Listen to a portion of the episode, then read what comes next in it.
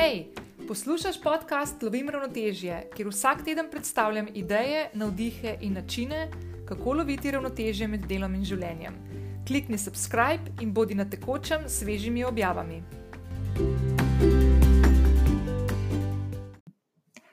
Jutranja rutina je ena od tistih stvari, ki jih, po mojem skromnem mnenju in prepričanju, enostavno potrebuješ v svojem življenju. Ni pomembno, kako dolga je ali s koliko delov jo sestaviš, Pomembno je predvsem z vidika, kako se skozi svojo rutino podaš v nov dan. Pravilno in pametno sestavljena jutranja rutina lahko pusti velik in pomemben pečat v tvojem vsakodnevnem življenju. In njeno delovanje tako lahko opaziš skozi povišen nivo energije, boljšo produktivnost in osredotočenost na delo, lažje sprejemanje odločitev in učinkovitejše soočanje s težavami in odnosi, s katerimi se vsi srečujemo vsak dan.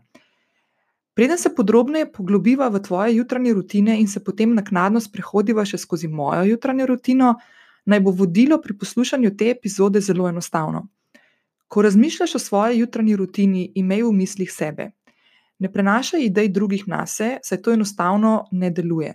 In tvoja rutina ne bo dosegla tistega cilja, ki sem ga prej omenila, um, če jo boš naredila in sestavila na tak način. Jutranja rutina mora v prvi vrsti izhajati iz stvari, ki so pomembne tebi, stvari, ki te usrečujejo in v tvoj vsakdan vnašajo pozitivno energijo, s katero potem tečeš svojim ciljem in življenju nasploh naproti. Preden nadaljujeva, te vabim, da s klikom na subscribe pojameš vsako novo epizodo podcasta Lovim ravnotežje, če seveda tega še nisi naredila.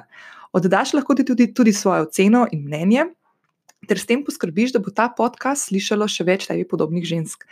Kot vedno te v opisu epizode čaka tudi povezava do zapisa, ki sem ga pripravila prav za to epizodo, in v kateri boš dobila tudi vse povezave in podrobnejše informacije, o katerih se bomo danes pogovarjali v tej epizodi.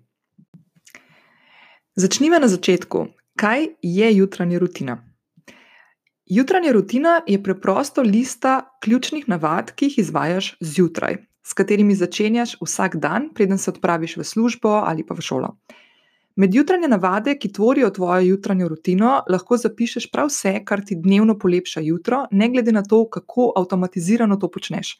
Naprimer, lahko je to uh, kozarec vode, ki ga spiješ na tešče, ali pa hitra yoga flow, tek po bližnjem parku. Karkoli takega že počneš, izvajaš, uh, pa tega mogoče ne delaš na, na redni ravni, se pravi, ne vsak dan, ampak ti, ti naredi tak začetek dneva vedno vesel in srečen in zadovoljen. To je lahko del tvoje jutranje rutine, vsakodnevne jutranje rutine. Navade so ponavadi uh, vsakodnevni avtomatizmi vedenja, o katerih ne razmišljamo pretirano. Ob izvajanju navad se naši možgani postavijo na avtopilota. Tudi ti, verjetno, ne pomisliš zjutraj, da se moraš tuširati, uprati zobe in obleči, preden greš v službo ali šolo. Te stvari delaš skozi navado, ki poskrbi, da vsak dan te stvari opraviš, brez da bi se jih dejansko zavedala. Kako veš, da je tvoja rutina močna in da dejansko dela zate? Premišljeno sestavljena jutranja rutina določi tvoj vsak dan na način, da v nov dan stopiš skozi občutek, da boš danes izpolnila vse cilje in ti vnese energijo za motivacijo, ki te pelje vse do večera. Pomembno je torej, da najdeš sistem aktivnosti, ki te bodo vodile skozi jutro in skozi katere boš dosegla cilj, ki si, si ga zadala. Pri tem je pomembno tudi zaporedje. Če ti odgovarja, da jutro začneš počasneje in umirjeno, potem izberi mirnejše rutine. Če jutra rada začneš z gibanjem in z neko intenzivnejšo um, navado, potem začni tukaj. Pri sebi sem, na primer, ugotovila, da mi ustreza počasen vstop v nov dan, zato sem zase izbrala prvo opcijo. In pri snovanju rutine imej v mislih tudi to, koliko časa boš zjutraj lahko namenila svoji celoviti rutini. Če si lahko privoščiš dve uri, super. Če je to 15 minut, je tudi to ok. Če imaš časa manj, potem še posebej dobro premisli, katere so tiste rutine, ki ti resnično dajo svežo energijo in daj prednost slednjim. Predvsem tiste, ki uh, imate manj časa zjutraj, uh, ker imate mogoče družino, pa otroke, ki jih treba zrihtati, preden se jih pelje v šolo ali po vrtec, je toliko bolj pomembno, da postavite pravilnejše in še toliko bolj konkretne uh, navade in rutine, uh, ki so tiste prave, s katerimi želite začeti nov dan. Lahko je to skodelica kave, pa uh, triminutni mir, preden se zbudi v starih del družine, uh, lahko je to skok pod tuš, lahko je to um, ne vem, lahko je pre, prebranje ene, enega stavka v knjigi ali pa ene strani v knjigi. Poskušajte imeti v mislih to, da delate tisto, kar vas res navdihuje, kar vam daje svežo energijo, ne glede na to, koliko časa dejansko na koncu imate. Ko izbiraš tip rutin, ki ga vključiš v, v sklop jutranjih rutin, imaš lahko v mislih naslednje segmente.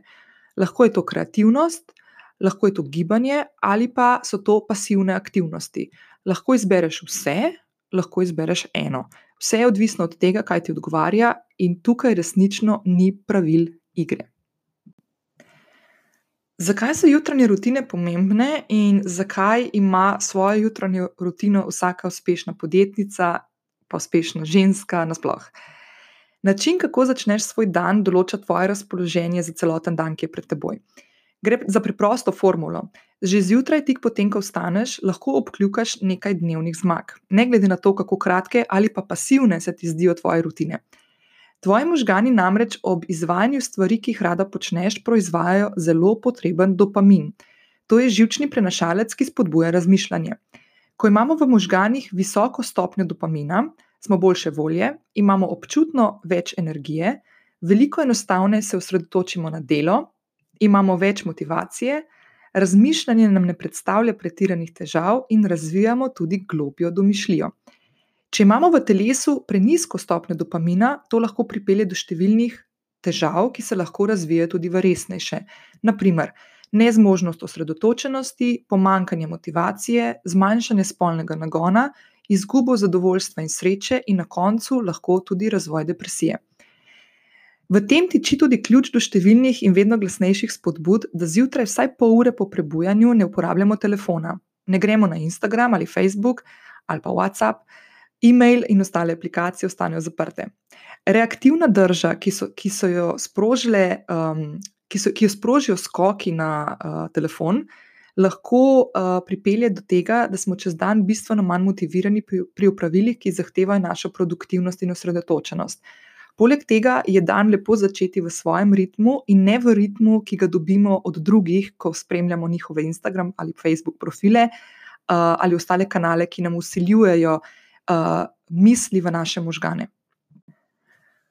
Preden skočiva v mojo jutranjo rutino, ki ti jo bom v tej epizodi podcasta Lovim ravnotežje res zelo poglobljeno razložila, uh, se lotiva tega, kako boš ti zgradila svojo jutranjo rutino. In pripravila sem ti pet korakov. Prvi korak je, da na list papirja napišeš stvari, ki bi jih želela početi vsak dan. In pri tem imej misel na to, da ne razmišljaš preveč. Uh, Angleži imajo eno krasno besedo brain dump, se pravi, da napišeš tisto, kar ti pade na pamet, brez nekega pretiranega razmišljanja. S to vajo boš začela razvijati jasnost po stvarih, ki jih imaš rada in ki bi jih želela vključiti v svoj vsakdan. Drugi korak je, da vse stvari, ki si jih napisala na ta list papirja, razvrstiš v vrstni red od najbolj pomembne do najmanj pomembne. Postavi si prioriteto in ugotovi, katera od stvari je bolj pomembna od druge, oziroma katera je tista, ki bi jo raje upeljala v svoj vsakdan, kot tista druga, ki si jo napisala. Ko to spoznaš, bo tvoja odločitev zelo hitra in jasna. Na tem koraku si vzami res čas se ti bo jasnost v veliko pomoč za nadaljevanje oblikovanja tvoje rutine v naslednjih treh korakih. Tretji korak. Napiši, koliko časa ti posamezna stvar ali rutina vzame.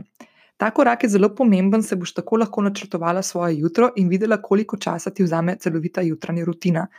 Pri tem bodi čim bolj natančna. Um, to je še posebej pomembno za tiste od vas, ki ste zjutraj omejene s časom. Naprimer, tukaj lahko povem, da Uh, zaradi mojega načina življenja in moje vsakodnevne realnosti si lahko verjetno privoščim veliko več časa za svojo jutranjo rutino, kot naprimer, uh, če imaš otroka ali pa družino ali pa službo, v katero moraš priti do določene ure.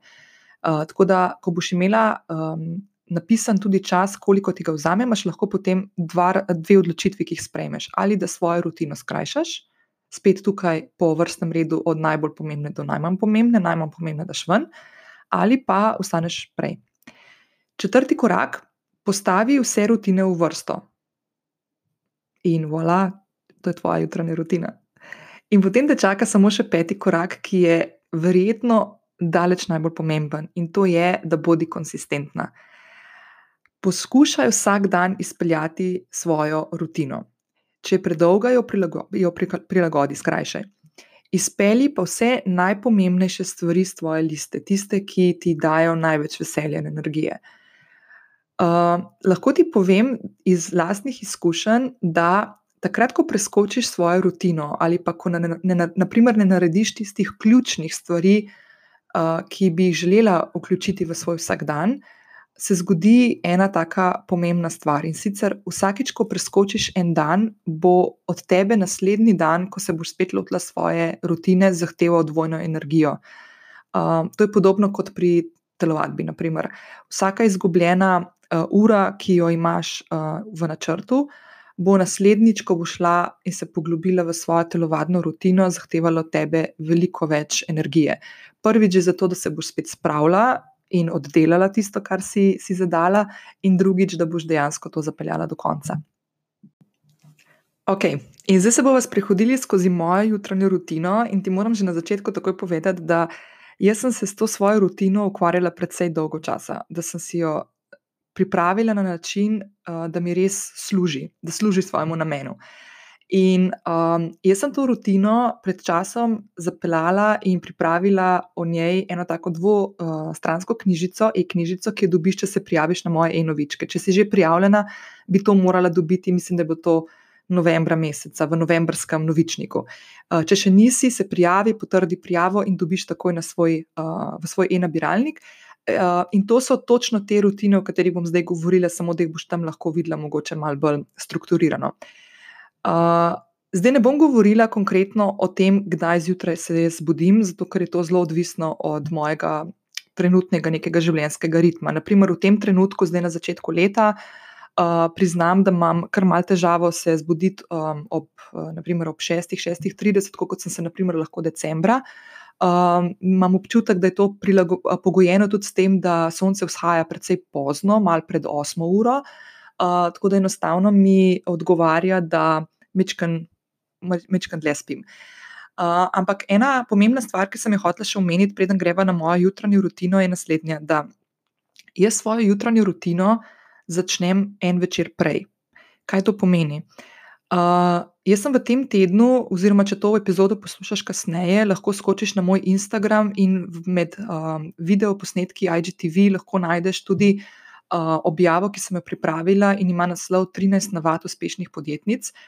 V njej tudi govorim o tem, kako zelo pomembno je, da preden zaključimo dan, naredimo eno zadevo, ki uh, razbremeni naše misli za preostanek dneva, se pravi za večer in potem kasneje, ko greš spat in tvojo, in tvojo noč, uh, ki je lahko veliko mirnejša zaradi tega. In sicer, ko zaključim uh, svoj delovnik, se preden zapustim pisarno, uh, uh, se usedem in na list papirja, oziroma v svoj uh, moleskin, to je rokovnik, ki ga uporabljam že leta, uh, napišem ključne, op, ključna opravila oziroma taske za naslednji dan. Uh, in ko pišem uh, svoje, uh, svojo to-do listo ali pa listo ciljev za prihajajoči dan, vedno na prvo mesto napišem tisto stvar, za katero vem, da mi je najbolj tečna. Zato, ker um, je podobna mentaliteta kot prej, kot sem omenila, zakaj so rutine pomembne. Uh, da takoj zjutraj že narediš nekaj svojih prvih zmag. Uh, meni, meni ogromno uh, odtehta to, da tisto stvar, ki mi je najbolj tečna in ki bi najraje dala nekomu drugemu, da naredi, je tista stvar, ki mi dejansko potem pomaga, da um, dobim občutek, da sem nekaj pomembnega v tistem dnevu že naredila in je vsaka druga stvar, ki jo naredim kasneje, veliko lažja, hitrejše, hitrejše jo naredim, veliko lažje se osredotočim na stvari, ki me še čakajo, in tako naprej. Tako da. Stvar, ki je pri jutranji rutini pomembna, je, da jo začnemo dan ali večer prej. In to sem omenila tudi zaradi tega, ker je prva stvar, ki jo zjutraj naredim, uh, je povezana s tistim, kar je zadnja stvar, ki jo zvečer naredim. In to je, da se zvečer, preden grem spat, oziroma ko se vležemo v posteljo, prižgem mobilno aplikacijo Sleep Cycle.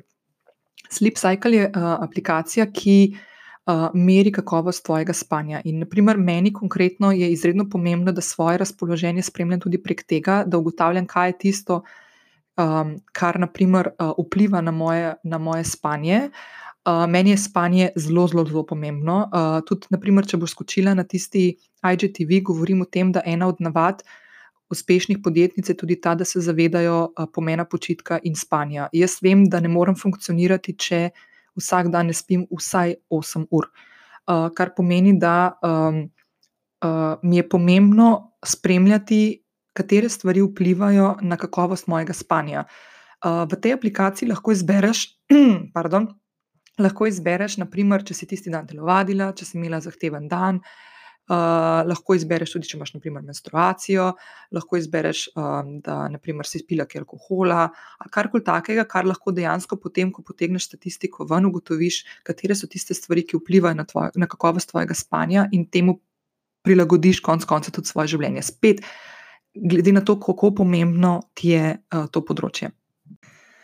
Okay, zdaj, ko sem ugasnila aplikacijo Sleep Cycle, uh, se dvignem iz postelje, nataknem uh, svoje udobne um, copatke, ki sem si jih kupila, so taki um, uh, krzneni, čeprav fake usnje, ampak nima veze, in grem v kopalnico.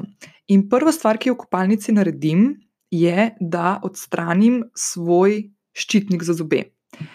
Jaz nosim ščitnik za zobe že nekaj let in to zaradi tega, ker sem ugotovila, oziroma je ugotovil moj krasni zopr, uh, da po noči škrtam zobmi. In jaz sem imela s tem velike težave in ogromno enih sanacij, ki sem jih mogla na svojih zobeh narediti. Tako da sem do enega leta nazaj, dokler, uh, pred enim letom sem namreč šla na ortodontsko zdravljenje z Invisalign nevidnim snemnim aparatom.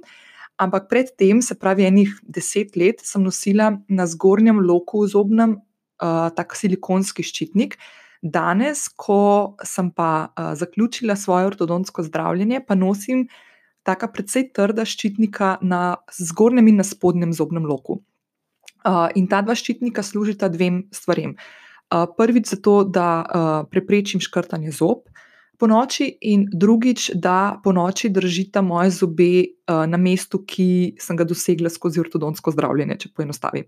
Tako da najprej, kar naredim, je, da odstranim ščitnik za zobe, in zdaj bo ena ful smešna stvar se zgodila. Če kakšna od vas nosi ščitnik, uh, glede na to, da je bruksizem, to je škrtanje zobmi. Uh, predvsej pogosta stvar med ljudmi. Mislim, da, so, da po enih informacijah ni bi 80 odstotkov ljudi uh, uh, škrtalo zobmi, pa se tega niti ne zaveda večina. Uh, če nosiš slučajno ščitnik, potem veš, da je um, skrb za higieno tega ščitnika izredno pomembna. In jaz sem v desetih letih razvila en krasen način, uh, kako te stvari lahko. Um, Skrbiš za neko higieno, in uh, poskrbiš, da se v njemu ne nabira uh, vodni kamen, in to je, to mi je vedno ful težko iti v trgovino, v DM, pa to kupiti, ampak to so dejansko korega tablete. To so tiste tablete, ki jih uporabljajo ljudje, ki imajo zobne proteze. In jaz vržem eno tabletko v kozarček, dam notri oba ščitnika, zgornjega in spodnjega, in jih pustim v tistem. V tistem V tisti tekočini, ki se razvije, um, tako modra pride, in jih pustim kakšno uro, potem jih dam pa v škatlico in škatlico odnesem uh, na nočno marico, da me počaka potem za zvečer, da, da, jo, da ponovno namestim ščitnik na zobe. Okay. Druga stvar, ki jo naredim, blazno pomembna, je, da očistim svoj jezik s trgalom. Uh, to je od, uh, ena od navad, ki prihaja iz Ajurvede. Ajurveda je veda o zdravem načinu življenja, ki prihaja iz Indije. In sem jo jaz spoznala, ko sem uh, opravljala pred štirimi leti uh, tečaj za mednarodno učiteljico joge. Smo imeli tudi možnost poslušati ajurvedskega zdravnika, ki nam je predstavil nekaj od um, teh praks, ki jih skozi ajurvedo podpirajo. Uh, in ena od teh, ki sem jo jaz uh, uspešno vključila v svojo jutranjo rutino, je um, uporabljanje strgala za jezik. Uh, zakaj je to pomembno? Um, Z odstranjanjem uh, oblog, ki se naberajo čez noč, uh, izboljšamo, naprimer, okušanje hrane in pijače. Uh, tvoj jezik zgleda bolj zdrav. To pomeni, da naprimer, tiste klasične bele obloge, ki jih doskrat opaziš pri sebi ali pa pri drugih, uh, ni, ne obstajajo več, je tvoj jezik tako lep, um, rožnat. Uh, odstraniš bakterije, ki so se gor um, naselile uh, v tem času, ko si spala, uh, uh, izboljša s tem celovito zdravje svoje ustne votline in tudi zadah, pomaga pri tem, da zjutraj, naprimer, uh, ko se zbudiš, nimaš slabega zadaha. Tako da to je ena taka stvar, ki se mi zdi. Pomembna, naprimer, da bi, jaz mislim, tako, če sem zelo iskrena, mislim, da bi to stvar, naprimer, mogel vsak človek v življenju početi.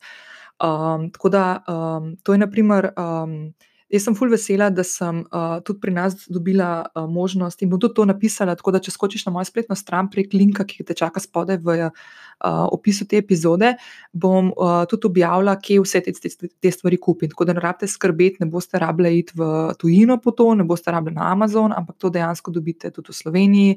Uh, zelo tak uh, luškan um, in učinkovit uh, strgalnik za jezik, tako da brez skrbi vas čaka vse na tisti strani. Uh, Ok, naslednja stvar, ko grem iz kopalnice, se ustavim v, pri svojem hladilniku.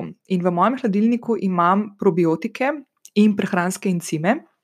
Uh, to so kapsule, bom tudi vse povedala, tudi vse najdeš v, uh, v tistem opisu epizode na moji spletni strani, katere uporabljam, ki jih kupim. Um, to sta dve reči, ki jih naredim na tešče, jih popijem, se pravi, kapsulo probiotikov, kapsulo prehranskih encimov, in v zadnjem času zdaj le delam kuro, uh, jemljem še vitamin B12. Zakaj? Zato, ker sem v zadnjih štirih mesecih, mislim, že, mislim da je že uh, prešla na rastlinsko prehrano, na večino manj. Mislim, da 95%, zelo samo med prazniki, novoletno božičnimi, sem se nekoliko. Um, Sem pojedla nekaj mesa in mlečnih uh, stvari, ampak dejansko sem šla nekje konec septembra, v začetku oktobra na rastlinsko prehrano, ki mi zelo, zelo, zelo ustreza v tem trenutku. In uh, ena od stvari, ki jo je fino spremljati, je tudi to, da mogoče enkrat na to, vsake toliko um, narediš eno kuro z vitaminom B12, ki je tisti, ki je mogoče najbolj tak v navednicah problematičen, kolikor se odločiš za rastlinsko prehrano, ker ga težje dobiš v telo, um, če ne ješ živalskih proizvodov.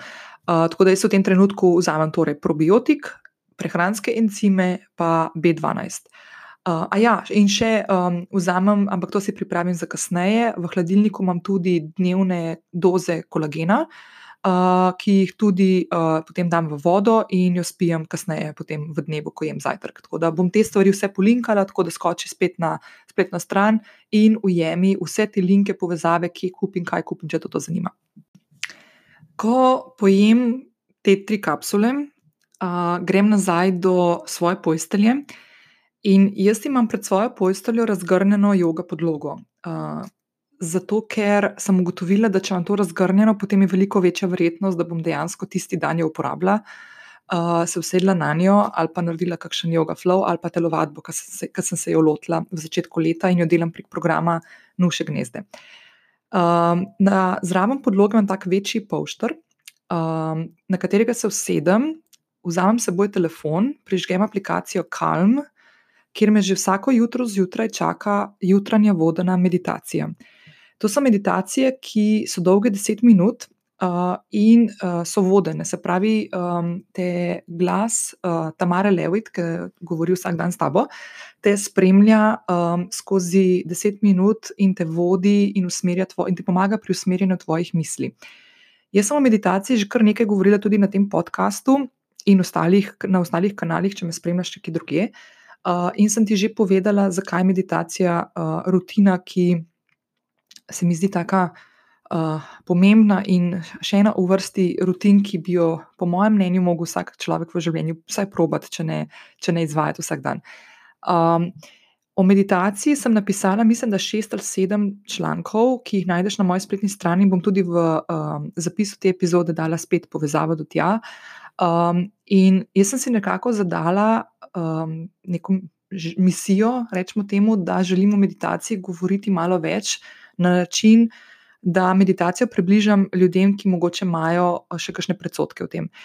Jaz to govorim iz prve roke, ker sem te predsotke dolg časa imela tudi sama. In tudi, ko sem se odločila in šla po poti uh, izobraževanja za učiteljico joge, kjer je bila meditacija pomemben, pomemben del mojega izobraževanja, uh, sem še v tistem času imela zelo, zelo težave z njo. In jaz sem dejansko meditacijo vzljubila in jo začela dnevno prakticirati prav skozi aplikacijo Calm, ki me je naučila, um, naučila me je uh, umirjeno sedeti 10 minut in usmerjati svoje misli uh, na tisto, kar je neka tema uh, dnevne meditacije. Uh, Zdaj, prva stvar, če imaš mogoče tukaj, ko poslušaš uh, o tem, ko zdaj govorimo o meditaciji, uh, da mogoče v sebi imaš neko tako dvom ali pa se ti zdi, da ne bom zdaj še ena, ki mi teži to meditacijo, kaj je to, zakaj je to sploh pomembno in meni je to tako tuje. Um, je to zato, ker um, večina uh, virov, oziroma večino stvari, ki si jih verjetno do zdaj slišala v meditaciji, uh, je pri tebi vzbudilo eno tako percepcijo, da je meditacija um, stvar, pri kateri ne smeš na nič misliti. Um, in to je ena, jaz ne vem, odkje je to prišlo in kdo se tega spomnil, ampak to je stvar, ki normalno je, da odžene človeka stran. Ker tako kot, kot, kot se ti zavedaš tega, da um, ne moreš na nič misliti, ker imaš, imaš možgane z razlogom. Uh, ti lahko še enkrat povem to, kar sem že parkrat ponovila, da meditacija ni razmišljanje o ničemer. Nihče na tem svetu, nihče na tem svetu, tudi največji jogijski guruji, Dalai Lama, me, me, meditacijski guruji, ne morejo imeti nobene misli več kot nekaj sekund skupaj. Uh, pri meditaciji gre za to, da usmerjaš svoje misli in da poskušaš misel, ko pride, spustiti iz svojih misli. Se pravi, predstavljaj si, kot da sediš na, na bregu reke in da so misli listi, ki plavajo po površju reke, ki so padli iz dreves na bregu. Ta list predstavlja tvojo misel in ti, ko meditiraš, se zaveš tega lista, oziroma kot da ga vidiš, kot da vidiš svojo misel in misli pustiš, da gre mimo tebe, tako kot list plava po, po toku reke in gre stran in, in gre naprej, gre, gre v levo, ponavadi ali pa v desno, kamorkoli pač teče reka. Tako da predstavljaj si, da ko svojo, ko meditiraš, ko jameš svojo misel, da so tvoji možgani. Um, Okupirani, oziroma da, jih, uh, tvoje, da jih je zauzela neka tvoja misel, se zaveš ti misli in spustiš, da gre. In prostor med dvema mislima poskušaš daljšati. Ampak, govorim o daljšanju, ne govorim o minutah, govorim o sekundi, o dveh sekundah, o petih sekundah, to je že ful uspeš, uspešna meditacija. Uh, ampak um, pri, tem, pri tem, ko meditiraš, zdaj, ki se, se lahko vprašaš, ja, ampak ok, zdaj ne bom na nič mislila, pa ti praviš, da bom mislila, ampak kaj pa jaz lahko naredim, da naprimer, ne mislim na tisto, na kar naj ne bi smela misliti. Uh, to so različne tehnike meditacije. Ena stvar je, da lahko, se, lahko svoje misli usmeriš na dihanje, na globoko dihanje skozi nos, lahko tukaj si pomagaš s tem, da šteješ uh, sekundne intervale, ko dihaš uh, in ko narediš izdih, in s tem svoje možgane uh, um, nekako osredotočiš na to štetje, na to, da so uh, osredotočeni na, um, na dihanje. In s tem, ko osredotočiš možgane na to misel, ostale misli ne pridejo zraven. In ko enkrat pridejo, se spet vrneš k temu, da greš štet svoj dih. Tako da to je, na primer, ena taka klasična stvar. Ampak še enkrat, jaz uporabljam vodeno meditacijo, uh, aplikacijo Calm, lahko uporabiš tudi aplikacijo Headspace. Uh, Giant Mind je tudi, mislim, da One Giant Mind je tudi. Tako da ogromno teh meditacijskih uh, aplikacij obstaja, ki si jih lahko naložiš na svoj telefon. Jaz lahko povem, da ta meditacijska aplikacija, ki jo uporabljam jaz, je plačljiva. Nek del vsebine je brezplačen, ampak jaz uporabljam veliko več tega, tako da sem si kupila letni dostop, stane 40 evrov. In letos si, mislim, da me ravno kar čaka podaljšanje uh, naročila, uh, in sem si to, to delam letos, mislim, da tretje leto zapored. In ti povem, da sem um, full vesela in da je to ena, eden od boljših letnih nakupov, ki sem jih izvedla v zadnjih treh letih, uh, ker jo uporabljam praktično vsako jutro in, um, in vsak večer, ampak do tega pridem malo kasneje. Um, zdaj, meditacijo, načeloma, uh, jaz v zadnjih dneh, naprimer, izvajam tudi tako, da jo naredim zjutraj, ko še ležim v posteli. Um, nikjer ni nobenega pravila, da bi ti moral sedeti, stati, ležati. Fino je mogoče včasih raje, da, sedi, da sediš, pa da nisi naslonjen na, na steno, naprimer, ali pa na vzglavnik postelje. Zato, ker uh, ko sediš, mora tvoje telo dejansko delati in loviti uh, ravnotežje in biti zravnano. Predvsem to, da imaš, ravni, uh, da imaš hrbtenico ravno, uh, je stvar, ki pa, pa rame obrnjene nazaj, je stvar, ki jo sploh tisti, ki veliko sedimo. Uh, se moramo kar fino pomatrati, da se tega navadimo spet nazaj. Uh, tako da je včasih uh, pri meditaciji fino, da sediš na tleh, naprimer na polštru ali pa na joga podlogi ali pa na tleh, na kakšnem tepihu toplem, Uh, in je fino, da, da tvoje telo nekako uh, drži in si tudi ti z mislimi, konec koncev, osredotočena na to, da sediš in da moraš zravnano sedeti. Tako da je spet to ena, lahko ena od tehnik, poleg tehnik, da um, si osredotočena na svoje dihanje, s katero ti v navednicah preganjaš tiste misli, ko ti pridajo v tvoje možgane in te poskušajo odpeljati stran od prakse meditacije. Uh, ampak nič ni narobe pri tem, če si vzameš uh, tudi to, da pač uležeš kakšno stvar, kakšno jutro zmeditiraš. Meni, na primer, to zdaj sploh paše v zadnjem obdobju. Tako kot sem prej govorila, je odvisno od tega, kako želiš svoj dan začeti. Jaz, na primer, uh, rada svoje dneve začnem s tem, da, sem, da začnem z nekimi um, mirnejšimi, umirjenimi uh, aktivnostmi. In, naprimer, meditacija je ena od teh.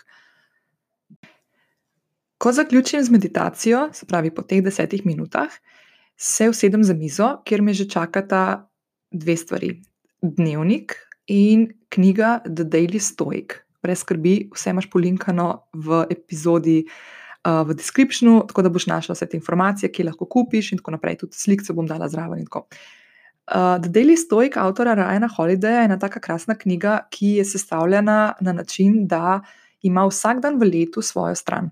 Torej, danes je naprimer 10. januar, ali pa tisti dan, ko boš to epizodo poslušala, odpreš knjigo na ta dan in prebereš misel. Sestavljena je pa tako, da vsaka stran na, na vrhu ima misel enega od stojkov, se pravi filozofov, antičnih, grških, uh, rimskih.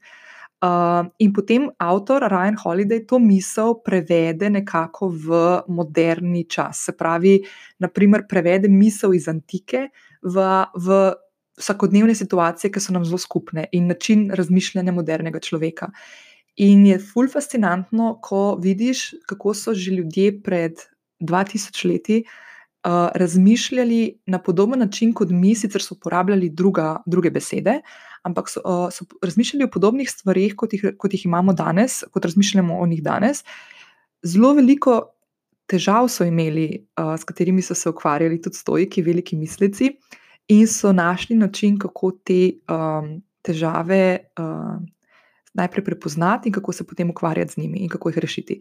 Tako da je ena taka krasna praksa uh, prebiranja zapisov stojkov. Jaz sem blazno, blazno žalostna, da ko sem imela v gimnaziji v četrtem letniku filozofijo. Da ni nihče nikoli znal teh stvari predstaviti na tak način, kot ga zdaj jaz govorim, da bi dejansko filozofijo in filozofe lahko videla v tej luči, da mi dejansko danes njihovo razmišljanje lahko pomaga pri tem, ko osmišljam nekako svoj svet in svoje težave in vsakodnevne napore, ki jih doživljam, na tako na osebni, poslovni ravni, in tako naprej, ali pa v naravni odnosov. Tako da je uh, full fine in jaz ponavadi naredim tako, jaz vsako leto kupim eno knjigo, zato ker jih full počečkam. Jaz full rada v knjige pišem svoje mnenja, svoje misli v tistem trenutku. Tako da jaz ponavadi jo najprej, najprej stvari, ki jih preberem, ker so v angleščini, jih najprej podčrtam tiste dele, ki so mi najbolj pomembni, ki so mi fajn, ki mi mogoče naredijo kakšno iskrico v, v glavi, mi spodbudijo kakšno misel ali pa kakšen spomin, ali pa se spomnim na kakšno stvar. Jo, to bi bilo pa ful dobro, če bi to naredila zdaj, ker se točno s tem ukvarjam. Danes, in, um, in potem spodaj je vedno prostor, na strani lahko še kaj napišeš. Tako da jaz imam totalno počečkano to knjigo. Tudi, ko me kdo vpraša, ej, mi kakšno knjigo posodiš, jaz zelo težko knjige posodam, ker imam res ful počečkane, no? mislim počečkane, ne negativno, ampak tako s stvarmi, ki dejansko se mi pora, porajajo ob tem, ko prebiram kakšne knjige. Um, tako da to je prva stvar, ki jo naredim, in potem na podlagi tega, kar sem prebrala, je to lahko krasna istočnica, da ko vzamem v roko dnevnik. Začnem pisati lahko ali o tej stvari, ali pa kakšni čist drugi stvari. Ni, ni važno, ni treba zdaj, da moraš najprej prebrati neko stvar, da začneš pisati dnevnik. In zdaj, praksa pisanja dnevnika je tudi ena od stvari, ki so se meni izkazale za nujne v življenju. Zakaj? Uh, ko govorimo o pisanju dnevnika, ne govorimo o pisanju dnevnika, kot ga mi poznamo, naprimer, sploh uh, ženske uh, iz svojega otroštva, najstniških let, ko smo v svoje dnevnike pisali, ti fant mi ni pogledal, zakaj je pogledal sošolko. Ne gre za to, gre za to, da v dnevnik pišeš uh, tvoja dojemanja, tvoje težave, tvoje čustva. Uh, um, napore, ki jih imaš, naprimer ob uh, obvladovanju kakšnih čustvenih situacij, in tako naprej. In dejansko se, ko dnevnik vzameš kot neko orodje, uh, prek katerega se sama s sabo pogovarjaš in dejansko sama sebe spoznavaš, je dnevnik krasno orodje, ki postane lahko tvoj terapeut. Um, jaz lahko povem, uh, če me slučajno ne spremljaš dalj časa, bom zdaj povedala eno zelo intimno zgodbo. In sicer, kdaj sem jaz to spoznala, da je dnevnik moj terapeut. Uh, Uh, bilo je uh, pred kakšnim letom, pa par meseci, uh, mislim, so le krompirjeve počitnice in sem šla v Amsterdam. V Amsterdamu sem se dobila z enim uh, fantom, moškim, ki smo se takrat dobivala in je drugače živel na severu Nemčije. Uh, spoznala sva se na Baliju, slučajno se pogovarjala 20 minut, in potem sva se dobila v Evropi in sva se mal začela dobivati malo na rednejši ravni, se veš, kaj to pomeni. V glavnem, in sva se odločila, da se dobiva za podaljšan vikend v začetku uh, novembra v Amsterdamu. In jaz sem si v Amsterdam vedno želela iti uh, in sem se tega ful veselila. In ko sem prišla v Amsterdam, se je zgodilo to, da je ta drugi dan, ko smo pa tam od štirih dni skupaj, je, um, je ta moški spremenil odnos do mene. Se pravi, prej je bil blazno topu, um, blizu mi je hotel biti, ko se me je dotikal, tako, zelo je bil tak ljubeč. In potem, ko da bi presekal neko, da bi, da bi naslednji dan, ko smo se zbudili, se zbudil ob meni čisto drug človek. In mene je, v meni je takrat sprožilo en kup enih. Um, Enih triggerjev se, se mi je sprožilo, zato ker sem se s temi stvarmi v preteklosti, kot verjetno večina od vas, uh, sem se doskrat srečala, srečevala, se pravi, s tem nekim uh, odklonilnim obnašanjem uh, partnerja. Uh, in meni je takrat, v tistem trenutku, ko se je to začelo dogajati, um, sem v bistvu povlekla nazaj na površje praktično vse situacije iz preteklosti, ko se mi to dogajalo, in v meni je vrelo tisto vprašanje, zakaj hudiče se mi to spet dogaja, zakaj si se spravlja v to situacijo. In, in se začneš, začneš padati v tisto v tisti vrtinec, tisti um, uh, krok, na katerem hrček ponovadi teče znotraj kletke. Ne? Uh, nekega samoobtoževanja, uh, zbudi se tista zlobna deklica v tebi, ki ti reče: No, vidiš, pa si spet si mislila, da zdaj pa je to pa eh, nek dober moški, s katerim boš ne vem kaj. V glavnem. Uh, jaz sem cel dan preživela, sicer sem se pol fino umaknila od, od tega, kar je bilo za mene prvič dejansko, ker sem lahko čustva nekako za trenutek postavila na stran in sem vseeno uživala v Amsterdamu. Ampak zvečer, ko sem šla spat, nisem mogla zaspati. In dejansko so se mi v enem trenutku uh, oči napolnile solzami in počutila sem se tako ujeto. Uh, spet v neko dramo osebno, in spet v neko razočaranje, in spet v neko traumatično izkušnjo, ki mi ni bila ok, ki je spet neka zavrnitev se zgodila in jada, jada, jada, da ne grem naprej. In jaz sem full vesela, da sem v tistem trenutku imela s sabo tudi moj dnevnik. Um, in sem šla z dnevnikom in s kulijem v WC. In dejansko v tem dnevniku sem ene par dni nazaj šla nazaj in prav prebrala. In mi je tako fascinantno, ker sem zdaj mesece in mesece, leto kasneje, prebirala tisto, kaj se mi takrat dejansko v glavi dogajalo. Jaz sem prišla na vece v hotelski sobi, dala uh, pokrov uh, veceja školke uh, dol, se usedla na tla, dala uh, dnevnik gor na školko, ful sem uh, podrobna, zdaj le vem, ampak da si predstavljaš, kako to zgleda. Odprla dnevnik in začela pisati. In sem pisala o tem, zakaj se mi to dogaja, zakaj, zakaj, zakaj se na tak način moški do mene obnašajo, kaj je z mano narobe. In iz teh prvih vrstic, prvih besed, ki sem jih napisala, ki so bili tako zelo, ko sem bila zelo groba do sebe, sem počasi, počasi, počasi, pa ni, ni bil dolg zapis, mislim, da bi mogoče stran, pa ima mehen dnevnik, um, zato da ga lahko sabo nosim okrog v Amsterdam. Uh, ampak glavnem, tako sem full hitro začela spreminjati ton jezika in postala do sebe bistveno bolj prijazna. In najpomembnejša stvar, ki se je zgodila, da kakšnih 15-20 minut kasneje sem ustala, sem šla nazaj v sobo in sem v trenutku, ko sem se ulegla, sem zaspala. Ker sem bila umirjena, pomirjena. In to je tisti terapeut v tebi, ki ga imaš, uh, ki ga lahko najdeš. Um, ko se enkrat um, začneš sama s sabo pogovarjati na lepši način. In ponavadi je, ko uh, stopimo ven iz svoje glave in ko svoje misli napišemo na list papirja zato je fajn imeti dnevnik, da imaš te liste papirja spete skupaj in da te tvoje misli imaš nekje zapisane. Uh, da lahko kasneje, nekoč, kot sem se jaz pred parimi dnevi, sprehodiš skozi svoj dnevnik in ugotoviš, kakšen velik napredek si naredila na sebi, kako si zrasla, koliko si spremenila svoje poglede na določene stvari.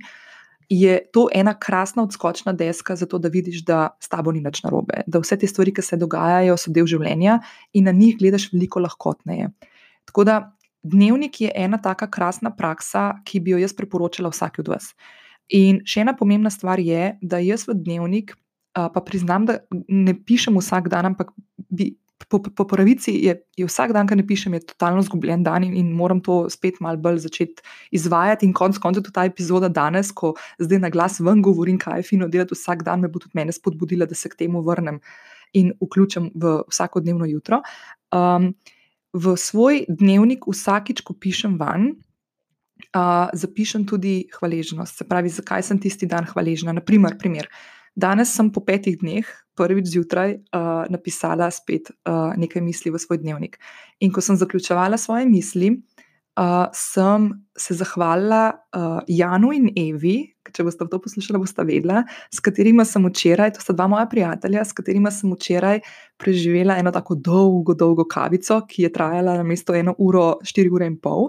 Uh, in sem se zaklepetala in ugotovila spet znova, da imam okoli sebe ljudi, tudi tiste, s katerimi se mogoče ne srečam ali pa vidim vsak dan ali pa slišim vsak dan, ampak se slišim, vidim parkrat na leto, da imam okoli sebe ljudi, ki so krasni, ki me uh, navdihujejo, motivirajo, inspirirajo in delajo moj, moje življenje lepše. Uh, hvaležnost je ena od tistih praks, ki jo je fino imeti v življenju, zato ker ti pomaga, da se prestaviš iz. Um, iz mentalitete, da moraš nenehno uh, teči za stvarmi, ki jih, ali pa odnosi ljudmi, ki jih nimaš, in se osredotočiš na tisto, kar že imaš in kar si dosegla. Uh, tako nekako prekineš ta cikl nenehnega nezadovoljstva, če tako, če zelo poenostavim stvari. Tako da, če se boš odločila pisati dnevnik ali pa če ga že pišeš, uh, izkoristi to priliko in vključi notri tudi hvaležnost. Uh, Jaz sem pripravila uh, en tak vodič, kako začeti pisati dnevnik, in je tudi hvaležnost notri upisana. Um, priznam ti tudi, da tako kot sem bila zelo um, cinična, še nedolgo nazaj do meditacije, je bila hvaležnost tudi ena od teh stvari, ki enostavno se mi je zdelo, kot kamon. Itak, da ne more to kar tako delovati, ampak dejansko. Ti iz prve roke, če mogoče meni več bolj zaupaš, kot naprimer temu, da si na, nekje na Googlu ali pa na kakšnem blogu ali pa na kakšnem Instagram kanalu to videla, pa si misliš, da je brez veze če meni bolj zaupaš kot tistim virom, uh, probaj, um, poskusi, parkrat to naredi in, um, in mi sporoči, če se ti tako zdi. Jaz skoraj ne verjamem, da se lahko zgodi, da rečeš, da ti to ne funkcionira. Uh, jaz povem uh, po pravici lahko, da sem uh, spoznala. Kako hvaležnost funkcionira lansko leto pomladi, zdaj bo eno leto od tega, ko sem se enkrat zavedla, ko sem bila doma, mislim, da je bila že ja, pomlad, je bila pa to, ki je bilo že toplo, da sem šla lahko na svojo teraso. Um, sem se zavedla v enem trenutku, da imam v življenju vse, kar sem si kadarkoli želela. To ne pomeni, da so stvari v mojem življenju še vse porihtane, to ne pomeni, da v mojem življenju še manjkajo določene stvari, ki bi si jih želela in po katerih repenim. Um, ampak um, ni več tako drastično, da bi bila osredotočena samo, zakaj tega nimam še, zakaj tega še nisem uredila um, ampak sem enostavno zadovoljna z vsem tem, kar imam. In jaz sem to spoznala pri svojih 40 letih, uh, in 40, prvih 40 let svojega življenja sem konstantno živela v tem, da tečem za stvarmi, ki jih nimam. In končno sem se ustavila. In veliko pomoč, uh, v veliko pomoč mi je bil uh, dnevnik in pisanje hvaležnosti v dnevnik. Zdaj, ko sem zaključila s pisanjem dnevnika in um, prakso hvaležnosti, ki jo vključim v dnevnik, me za mojim hrbtom čaka tista yoga podloga, ki sem jo že prej opisala, na katero se usedem, ko grem meditirati. In jaz poskušam zjutraj uh, svoje telo tudi malo premakniti, ker se mi zdi to blazno pomembno, da malo pospešiš prekrvavitev telesa, vsaj sploh zjutraj, ko smo še malo taki zaspani. Pa, um, nekako tako, moramo malo pretegniti svoje telo. Uh, jaz nisem človek nekih intenzivnih vadb, jaz sem se to v preteklosti s tem tudi nekaj ukvarjala, ne sicer blazno, ampak meni, na primer, ne odgovarjajo neke te visokointenzivne vadbe ali pa neki bootcampi, um, sploh pa ne zjutraj. Um, in mi yoga predstavlja en tak krasen uvod za začetek gibanja v novem dnevu. Um, fino je, ko razmišljaš o svoji rutini, da vključiš tudi neko gibanje. Lahko je to zelo, lahko je zelo, zelo, zelo minimalno. Um, ampak s tem gibanjem spodbudiš prekrvavitev svojega telesa in s prekrvavitvijo svojega telesa pospešiš tudi predihanost svojega telesa, se pravi, svoje telo napolniš svežim kisikom. Um, jaz ponavadi naredim, ne vem, tri ali pa dva kroga pozdrava v soncu, naredim kakšne te osnovne um, streč vaje. Um, zelo kratko je to, tako, lahko, ne vem, 3, 4, 5 minut, ni odvisno. Če me kdaj odnese, naredim to tudi 10 minut ali pa 20 ali pa pol ure. Nekako provam slediti temu, kako, um, kako se mi tisti dan, uh, mislim, kako se počutim tisti dan in kaj mi odgovarja. No.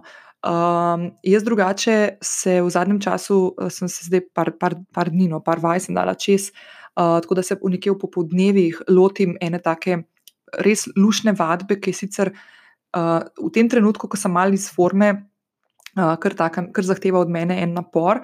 Uh, ampak to je vaja uh, Nuše gnezde, bom tudi polinkala na um, opisu te epizode. Um, in mi je fajn, in to delam popoldan, uh, poskušam pa vedno bolj spet upeljati jogo v svoje življenje. Mal sem jo opustila.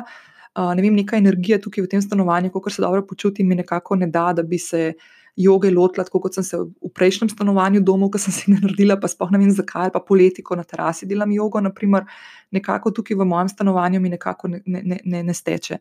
In se moram enostavno, se bom mičkar mogla tudi prisiliti, čeprav nisem pristašica tega, da se siliš v neke stvari, ampak mal se bom mogla prisiliti v to, zato ker vem, da joga meni zelo odgovarja in da mi sede in ko. Um, začnem to upeljati v svoj vsakdan, kot je treba, kot si želim, uh, dejansko ima zelo, zelo pozitivne, um, pozitivne posledice na moje razpoloženje. Tako da to. Ko zaključim uh, s to uh, kratko jogo, grem nazaj v kopalnico. In zdaj se tukaj zgodi druga rutina, ki prihaja iz Ajurvede, in to je uh, suho krtačenje telesa. Um, to pomeni, da uh, si kupiš, bom tudi polinkala, kje jaz to kupim, nič posebnega. Uh, um, ščetko za telo, tako večjo. Um, in uh, preden skočiš pod duš, si na suho skrtačiš celotno telo. Zdaj, suho krtačenje telesa ima veliko dobrobiti, to ni kar tako neki brez veze. In sicer spodbuja limfni sistem, ki je glavni del našega imunskega sistema. Se pravi, sploh zdaj v tem času, naprimer probiotiki, pa uh, spodbujale limfe, je odlično, da krepimo naš imunski sistem, ki je uh, nenehno pod nekim napadom virusov, prehladov, bacilov, ki se okoli nas odvijajo. Tako da je to še toliko bolj pomembno v tem trenutku, v tem letnem času, ko, ko je bolj hladno zunaj. Uh, s suhim krtačenjem razstrupljamo telo, je odlični peeling, uh, ker s ščetko razra, razrahля, razrahljamo kožno površnico in odstranjujemo odmrle kožne celice. Uh, s tem uh, krtačenjem tudi čistimo pore in uh, če smo res pridni pri tem, uh, lahko tudi zmanjšamo, naprimer, celulit. Uh, ne da ga odpravimo, ampak lahko na površju kože um, spodbudimo našo kožo, da postane bolj elastična, bolj napeta in um, v povezavi z dnevnimi aktivnostmi in zdravo prehrano lahko poskrbimo za to, da se celulit, kolikor ga imamo, uh, vidi manj. Uh, jaz sem to pri sebi večkrat že opazila, čeprav priznam, da nimam večjih težav uh, s tem, tako da um, ne da je to neka drastična sprememba, ampak dejansko je počutje potem, ko skrtačiš svoje telo, res full fine. Um, tudi na, uh, s krtačenjem spodbudimo neko naravno energijo v telesu, uh, tako malo tako toplo postane naše telo, tako da je full fine, sploh zdaj v teh hladnih zimskih dneh. Um, zdaj, jaz bom v, v, to, uh, v ta opis epizode bom, uh, uh, dala tudi link do tega, kako krtačimo, uh, suho krtačimo svoje telo, ker je fully pomemben tudi postopek. In sicer bom zdaj čisto na hitro opisala, da uh, vedno se moraš zavedati pri suhem krtačenju telesa, kje je tvoje srce. Zato, ker ko ne začneš, naprimer, jaz vedno zač, začnem pri stopalih vedno potem krtačiš, lahko sicer v krogih, ampak lepše in boljše je, če krtačiš v eni smeri in krtačiš vedno proti svojemu telesu, kar, uh, srcu. Kar pomeni, da če začneš pri stopalih, krtačiš tako, da um, ščetko potiskaš navzgor. Proti, tel, proti srcu.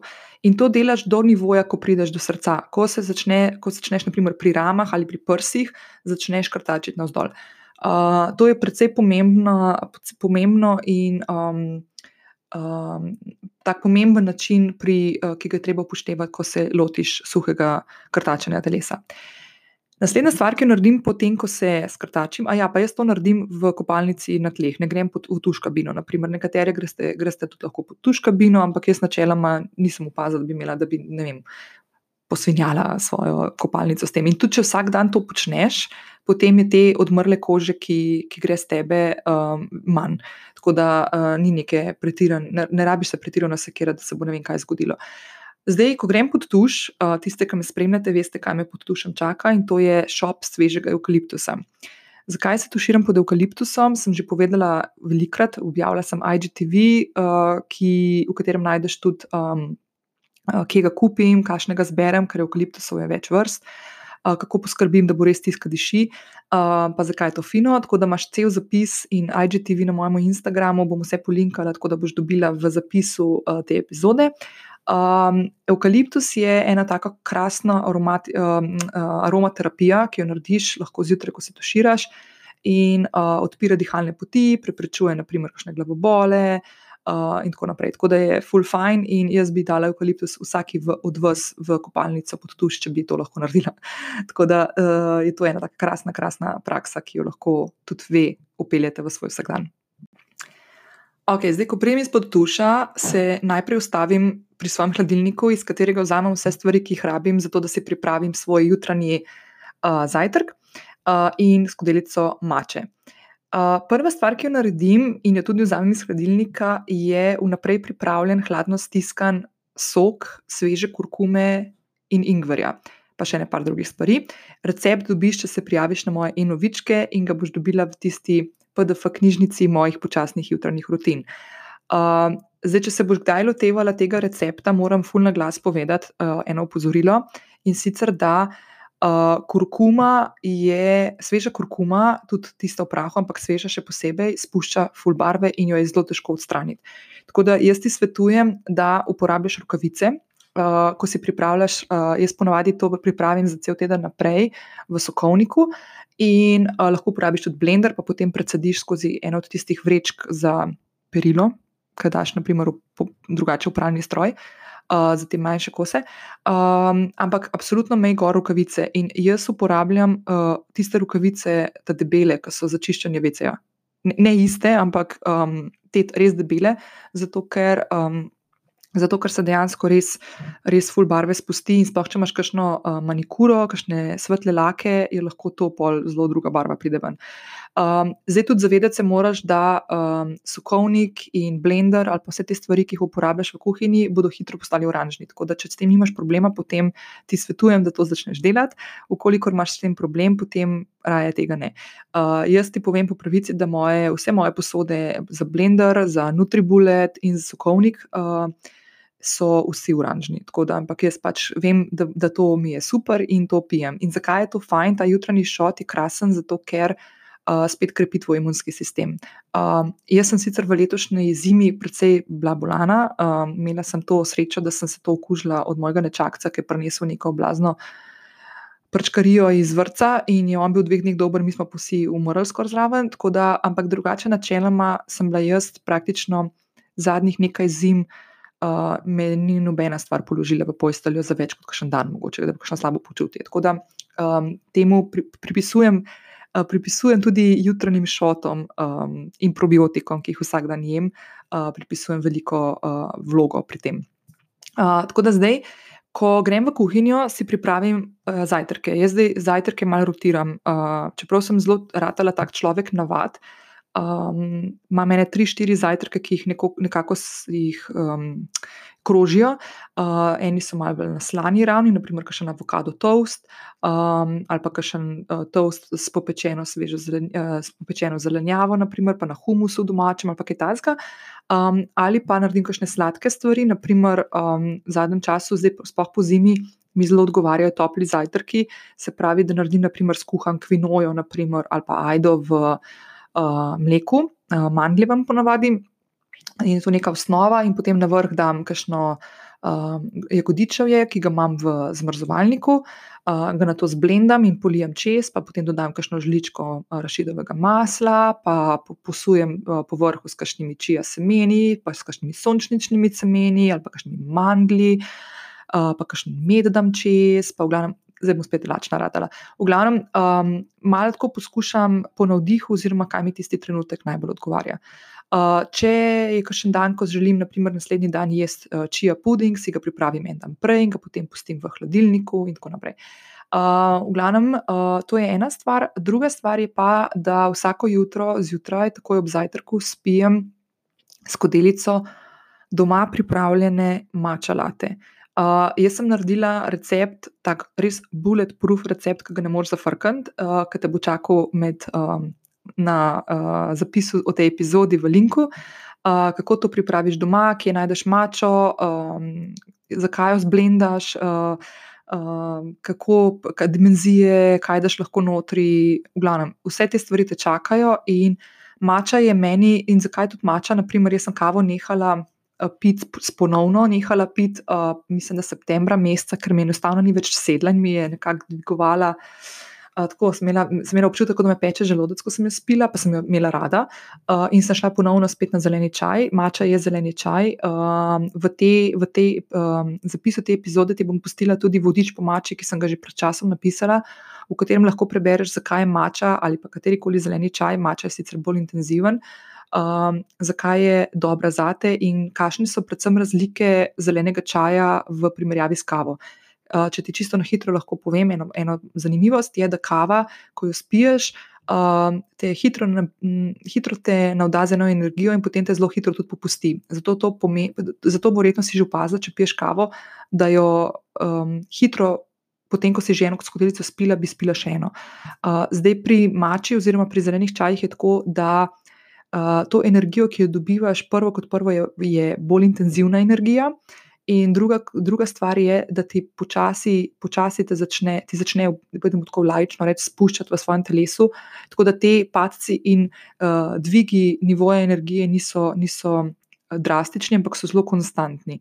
Uh, tako da to je še posebej fajn za tiste, če imate kakšne težave z um, krvnim pritiskom ali pa srcem ali pa tako naprej. Tako da tle je mogoče malo za raziskati, pa si pa, si, pa, pa, pa probati, pa videti, če je kakšna taka stvar, ki, uh, ki ti je fajn.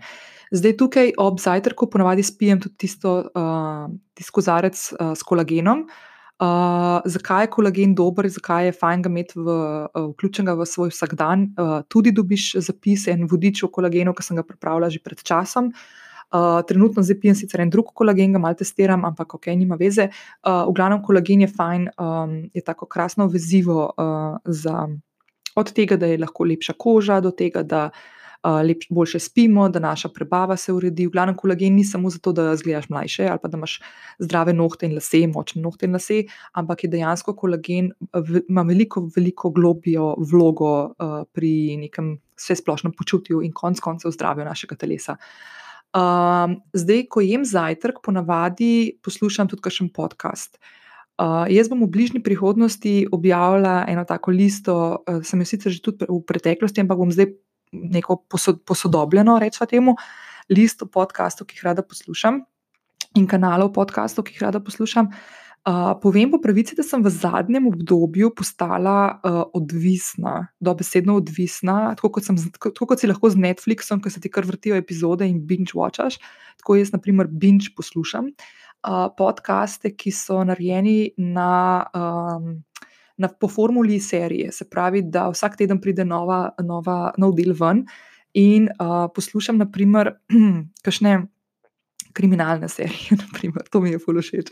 Naprimer, zdaj sem poslušala, ravno včeraj zvečer sem končala s poslušanjem podcasta, uh, mislim, da se reče Final Voyage. Um, mislim, da so tri serije. Sem poslušala prvo, ki je bila že cela, tako da sem jo res v dveh dneh slišala 13 delov. Uh, o smrti ameriške igralke Natalie Wood, uh, ki je še vedno neraziskana, čeprav se je zgodila leta 1981. Um, zdaj je nova serija zunaj, ki bo spremljala um, življenje in končno smrt v letalski nesreči uh, Johna F. Kennedyja Jr., mlajšega, uh, ki je umrl v letalski nesreči, ja, ko, ko je sam pilotiral. Uh, Uh, tako da to, naprimer, v glavnem, zadnje čase poslušam to. Zdaj, ponavadi to ne poslušam zjutraj, ampak naprimer zvečer, ko se pripravljam večerjo, zjutraj poslušam pa kakšne take podcaste, ki so umirne, um, umirjeni, ne samo z načinom, ki, um, kako so posneti, ampak tudi z vsebino, ki jo imajo. In v zadnjem času zelo rada posegam po kakšnih, naprimer po Oprah, ima full dobro podcast, um, uh, potem naprimer. Um, koga zdaj se tako ne bom nobenega spomnila. Ampak bom napisala, bom napisala in bom objavila enkrat eno listo, uh, tudi za kakšne primere, pa za kakšne vem, obdobja v dnevu, uh, ko naprimer, mi sede poslušati tip podcasta. Tako da bom malih razdelila po kategorijah. Tako da to je to, in potem. Ko tukaj minete, zdaj, zdaj smo tako ful časa govorili o teh mojih rutinah in da res sem šla ful noter v globino, uh, ker me res veliko sprašujete o tem. In um, zdaj pridemo do tega trenutka, ko pač pomijem posodo za sabo in um, si pripravim, verjetno še včasih, zelo pogosto, no, še kakšno skodelico navadnega zelenega čaja ali pa jasminovega čaja in grem v pisarno. Jaz imam pisarno doma, uh, delam uh, 90% od doma in mi je to ful super in sem se tega navadila, čeprav bomo enkrat govorili o tem, kako se lahko kako se, kako se motiviraš, ko delaš od doma, ker je to posebej, posebej vrste izziv. Um, in ko pridemo v pisarno, uh, prižgem svečko, ki me že čaka na mizi, tako večja svečka, uh, uh, ki mi naredi tako vzdušje, uh, bolj tako zenovsko, uh, potem ko se usedem za pisarno mizo in začnem delati. Uh, in na tej mizi, moji pisalni, me čaka zdaj naredimo en tak, uh, bomo zaprli ta krok. Uh, me čaka tista lista, ki sem jo en večer prej napisala za stvari, ki jih moram narediti danes. In to pomeni, da uh, grem po tisti listi, spravi, če se vrnem nazaj na tisto, kar sem že povedala na začetku te epizode, da začnem s tisto stvarjo, ki mi gre najbolj na živce, uh, ki bi jo najraje dala nekomu drugmu ali pa kar mal pozabila, da jo moram narediti. Uh, tako da to je tista prva stvar, ki jo naredim. Ponavadi je še tako, da preden se lotim prve stvari, pogledam in odprem svoj um, uh, e-mail, pogledam, če je kakšna pošta notri, na katero je fajn čim prej odgovoriti, in potem ponavadi e-mail ugasnem in imam ugasnjenega, dokler naredim vsaj prve stvari na moji listi, in potem ga spet odprem. Uh, in jaz vmes ugašam, jaz imam malo OCD, tako da če vidim, naprimer, da imam še nov mail, ki je prišel ali karkoli od tega, neke, neke te notifikacije, uh, jaz pol pogledam. Tako da, če hočem nekako biti osredotočena na svoje delo in biti um, usmerjena v stvari, ki jih počnem, potem moram te distrakcije omejiti. Tudi telefon ponavadi dam na tiho in ga dam v drugo sobo.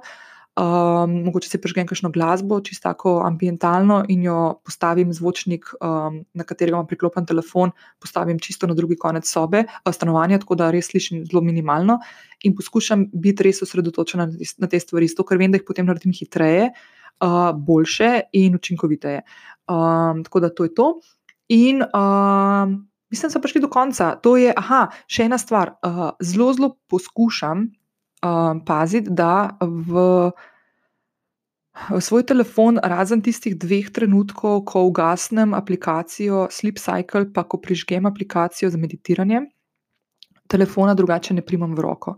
Spravi, kot sem na začetku povedala, da si se tudi ti verjetno že srečala s tem, da res ni fajn v telefon ali pa iti na družabna omrežja, mail, na karkoli, na novice sploh, uh, ker so tako lepe, drastične uh, in, svet, in, in fatalne, da bo konc sveta jutri. Um, Ni dobro iti potem, ko se zbudiš. Tako da, če si, če si poslušala zelo um, pozorno ta podcast, potem si verjetno slišala, da nisem omenila več svojega telefona. Ne deluje to vsak dan, ampak vem, vem in sem ugotovila, in to res preizkusila na svoji koži, da je počutje takrat, ko telefon dejansko primem v roko, šele ko stopim v pisarno in pogledam, naprimer, ali Instagram, ali Facebook, ali e-maile, ali karkoli, je moje počutje čez dan res bistveno boljše. Uh, zakaj je temu tako? Jaz temu pripisujem pomembno vlogo, zato ker se mi zdi, da ko jaz začnem dan v svojem ritmu, ki je meni pomemben in dober, uh, potem jaz vplivam na to, kako se bo moj dan odvijal. Ukolikor grem na Instagram, pa naprimer jaz konkretno na Instagramu res ne sledim veliko ljudem in sledim res tistim, ki, od katerih dobivam neko vsebino, ki mi je zanimiva ali pa se z njih učim. Uh, tudi kakšne mamice gledam, ker mi je full fajn, pa fascinantno, čeprav nimam otroka, pa so mi full fajn, ker mi veliko naučijo stvari, ki jih jaz nikoli ne bom spoznala, ker nisem mama. Uh, pa mogoče potem kakšno stvar, naprimer, reče moje sestrci, da lahko preveri, če se mi zdi zanimiva. Uh, Uh, ampak, v glavnem, um, čeprav mi je fajn spremljati ljudi, ki jih spremljam, je vseeno to neka taka, neko programiranje stvari, ki ti jih drugi dajo in v navednicah usiljujejo v tvoje jutro. Tako da jaz poskušam svoje jutra uh, začeti v svojem ritmu, na način, kot meni odgovarja in sedi. Še enkrat ponavljam, da se nisem pri tem uspešna čisto vsak dan, tako kot nisem vsak dan uspešna, da telefon odložim in van ne pogledam vsaj um, eno uro, preden grem spat. Aha, zdaj sem se spomnila še to. Uh, ko sem prej govorila, da se moje jutranje rutine začnejo dan prej, um, bom povedala še, kako, jih, kako dan zaključim, ker imam spet telefon v roki. Zato sem se zdaj spomnila. in sicer. Telefon primem v, primem v roko, da prižgem aplikacijo Sleep Cycle, in da prižgem aplikacijo Calm. Uh, to je ta meditacijska aplikacija, ker si zvečer prek te aplikacije izberem pravljico.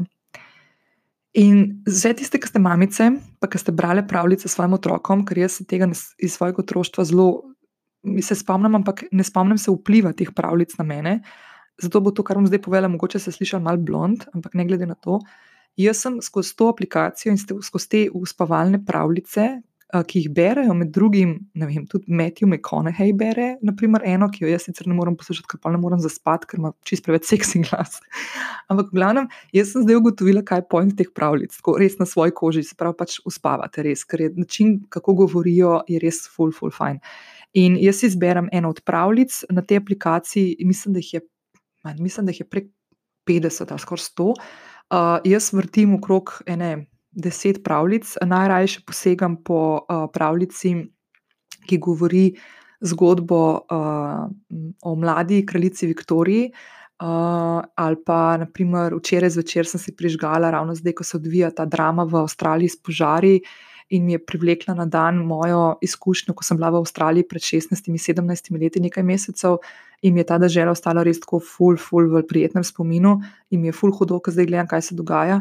Um, sem si izbrala pravljico Potovanje čez Avstralijo z vlakom, uh, The Gang se imenuje, uh, in sicer od severa Avstralije proti jugu. Uh, in mi je tako, full fine. Sem, včeraj mislim, da sem zaspala, ma ne vem, če bo dve minuti kasneje, ko sem prežgala. Sploh ne vem, če se že tisto gospod usedel na vlak. V glavnem, nima veze. Uh, tako da uh, to so moje jutranje rutine. Uh, mislim, da je to uh, skoraj zelo možno najdaljša podcast epizoda do danes. Uh, Med sicer ne preseneča, zato ker jaz v jutranjih rutinah in rutinah nasploh lahko govorim res tako tri dni skupaj. Um, ampak enostavno bi ti res svetovala, da mogoče gre skočiš na začetek te epizode in preveriš še enkrat, kako, zakaj so rutine pomembne, kako svojo rutino pripraviš, uh, tistih pet korakov, kako jo oblikuješ, uh, ker res, res, res se pozna uh, uspešnost tvojih, tvojega dne. Uh, se pozna skozi to, kako v dan vstopiš. Uh, in jaz ti želim, da so tvoji dnevi krasni, polni energije, uh, polni nekega osebnega zadovoljstva, na katerega ne vplivajo stvari, ki se potem čez dan dogajajo, ali pa vsaj ne vplivajo toliko, kot smo morda v teh dneh, in da najdeš en tak ritem, ki bo samo tvoj. In kot vsak teden, do sedaj, te vabim, če še nisi, da se prijaviš na podcast Lovim Ravnoteže, da boš potem vsak teden ujela uh, svežo epizodo. Vesela bom, če boš dala tudi svoje mnenje, če boš uh, ocenila ta podcast, ker s takimi um, deli narediš eno veliko uslugo meni in eno veliko uslugo vsem ostalim ženskam, da bodo ta podcast videle v uh, aplikacijah, prek katerih spremljajo podcast. Um, zdaj, še ena stvar, ki jo jaz vedno naredim na koncu, je, da sicer prek raznih uh, podcast, uh, iTunesov ali pa Apple podcastov in ostalih aplikacij ne morem osebno odgovarjati na mnenja, ki jih tam dobim, jih pa vidim. Uh, tako da izkoristim uh, konec vsake epizode, da preberem eno od mnen, ki jih dobim na kateri koli platformi, in da se tudi osebno zahvalim. Tako da danes se bom zahvalila Saši, ki je pred nekaj dnevi napisala: Vsak teden z veseljem poslušam vsako novo temo, ki jo deliš z nami. Bolj zabavna postajajo tudi redna upravila v stanovanju, kot je naprimer obešanje perila. In, draga Saša, najlepša hvala za to. Jaz se, te, jaz se s tabo zelo, zelo strinjam. Tudi jaz, ko naprimer pospravljam stanovanje, uh, mi je to postala neka taka meditacija, če si iskreno in fura, da to počnem. In si vedno, vedno prežgem tudi podcast. Um, podcast je ena taka krasna, uh, en tak krasen medij, ki ga lahko imaš v ozadju in ga poslušaš, in ob njem delaš tudi druge stvari. Uh, tako da jaz ponovadi, ko pospravljam stanovanje, poslušam naprimer kakšnega Joe Rogan show ali pa uh, Full Všeč mi je Armchair Expert, ki ga, uh, ki ga oblikuje in, um, in vodi uh, hollywoodski igralec Dex Shepard, ki je kralj, kar se tiče imeti krasne pogovore z zanimivimi ljudmi.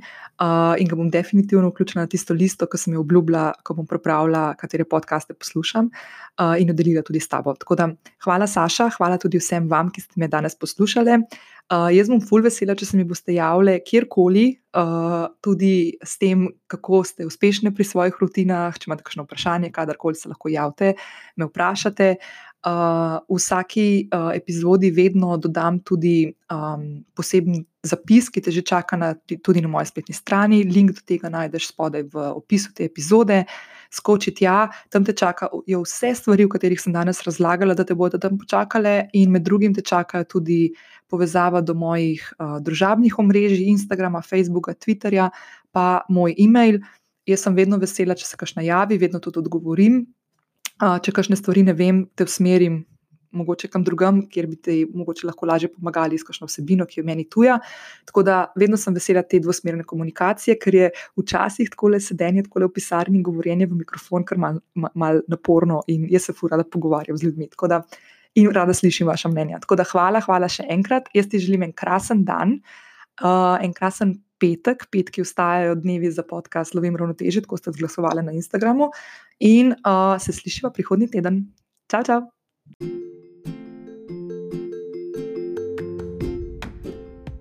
Prišli smo do konca današnje epizode podcasta Lovim ravnotežje.